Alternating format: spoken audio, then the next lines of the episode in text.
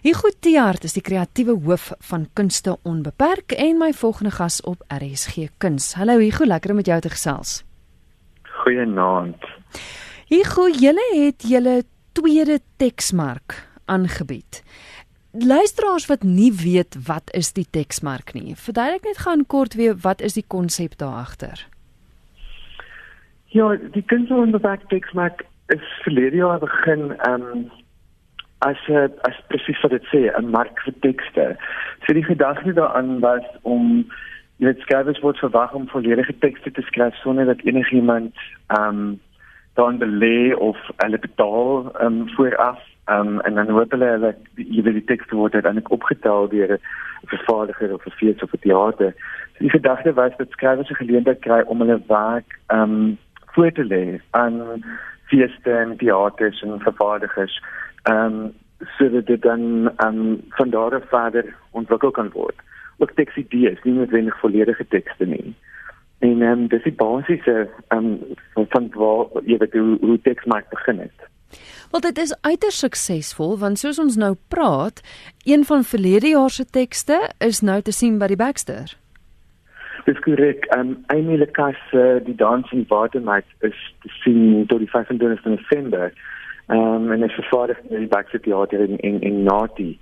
Ehm um, en is heerlik om dat dat uit die eerste teks maak uit so 'n wonderlike nuwe en unieke stem gekom het soos eintlik kas as 'n nuwe skrywer. Ja, en ek dink daar's nog wat in die pipelines. Ek weet melk en vleis dink ek is, is nou melk en vleis. Nou, was ook deel daarvan en ek dink daar's nog by van die ander feeste waarvan verlede jaar se ook te sien gaan wees.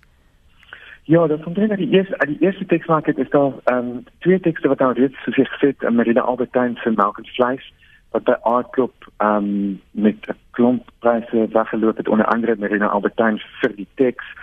Um, en dan is daar nou 'n paar wat in in 2018 um, ontwikkel word um, onder andere vir die bootfees en vir um, Kokonka in um, in die bos.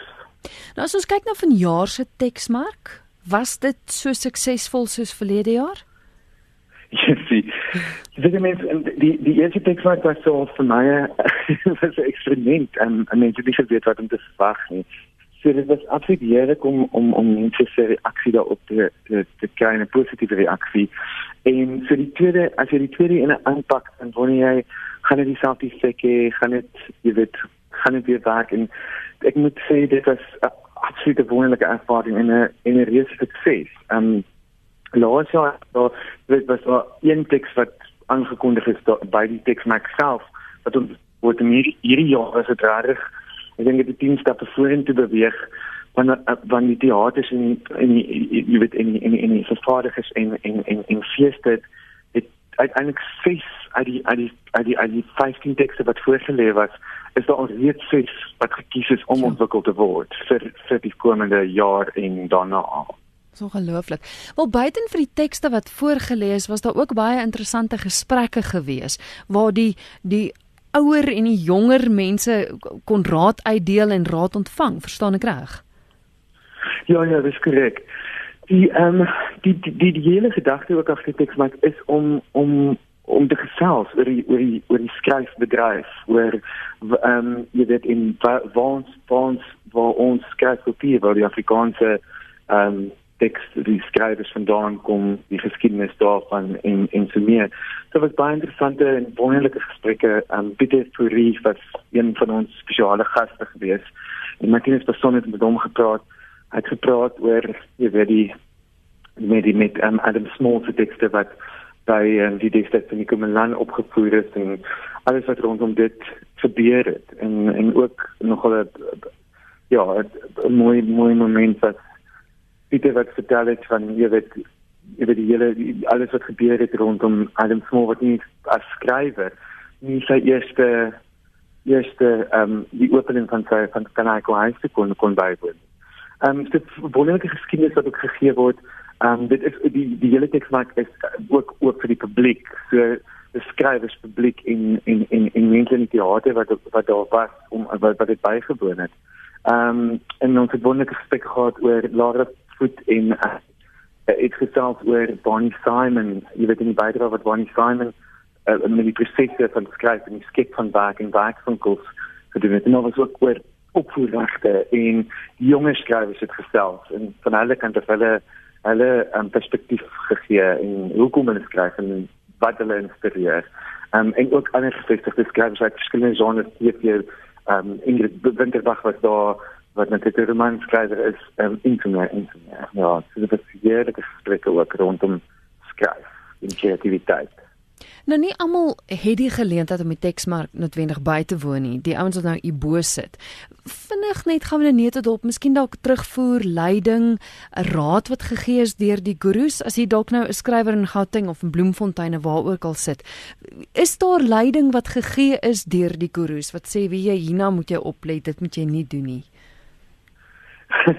Weet jy, ek dink ek dink dit almal almal het verskillende raad, almal het maar uiteindelik het ek dink as ek dink aan wat Liz Meyering en Sakie Botha en uh, Louis Pretorius en Ingrid Winterbach byvoorbeeld gesê het, is jy weet jy moet jy moet eerlik skryf. Jy moet uit jou hart uit skryf. Jy kan nie skryf om om vir ander mense te skryf nie.